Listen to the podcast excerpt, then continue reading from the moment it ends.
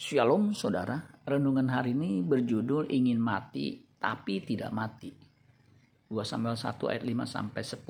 Lalu Daud berkata kepada orang muda yang membawa kabar kepadanya itu, Bagaimana kau ketahui bahwa Saul dan Jonathan anaknya sudah mati? Orang muda yang membawa kabar kepadanya itu berkata, Kebetulan aku ada di pegunungan Gilboa. Maka tampaklah Saul bertelekan pada tombaknya, sedang kereta-kereta dan orang-orang berkuda mengejarnya. Ketika menoleh ke belakang, ia melihat aku, lalu memanggil aku, dan aku berkata, "Ya Tuanku." Ia bertanya kepadaku, "Siapakah engkau?" Jawabku kepadanya, "Aku seorang Amalek." Lalu katanya kepadaku, "Datanglah kemari dan bunuhlah aku, sebab kekejangan telah menyerang aku, tetapi aku masih bernyawa." Aku datang ke dekatnya dan membunuh dia, sebab aku tahu ia tidak dapat hidup terus setelah jatuh. Aku mengambil jejamang yang ada di kepalanya dan gelang yang ada pada lengannya, dan inilah dia kubawa kepada tuanku.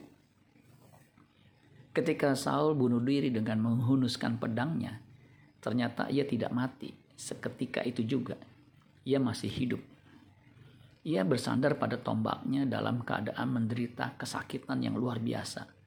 Sehingga ia ingin mengakhiri kesengsaraannya itu. Tetapi bagaimana caranya?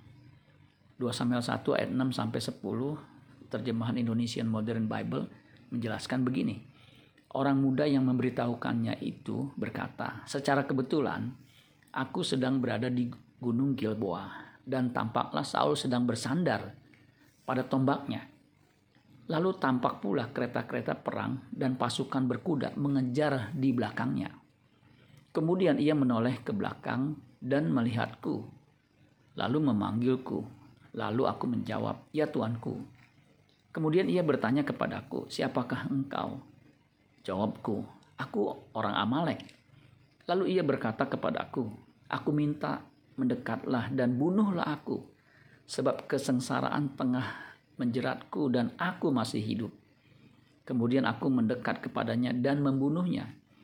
Karena aku tahu ia tidak dapat hidup lagi oleh sebab kekalahannya. Dan aku mengambil mahkota yang ada di kepalanya dan juga gelang yang ada di lengannya dan membawa semuanya ke hadapan tuanku. Saul ingin mati tapi tidak bisa mati. Ia malah sangat menderita kesakitan. Wahyu 9 ayat 6 dan pada masa itu orang-orang akan mencari maut, tetapi mereka tidak akan menemukannya. Dan mereka ingin mati, tetapi maut lari dari mereka. Akhirnya hidup Saul harus dibantu orang lain. Saul yang penuh dengan iri hati dan kebencian terhadap Daud sehingga beberapa kali hendak mencoba membunuh Daud dengan tombaknya. Kini di akhir hidupnya ia bersandar kepada tombaknya sendiri. Seharusnya ia sadar akan kejahatannya, tetapi ia tidak bisa menyadarinya, apalagi bertobat. Ia malah lebih kejam terhadap dirinya sendiri. Dari sini, kita belajar bahwa kesempatan bertobat dan hidup benar harus sungguh-sungguh dimanfaatkan.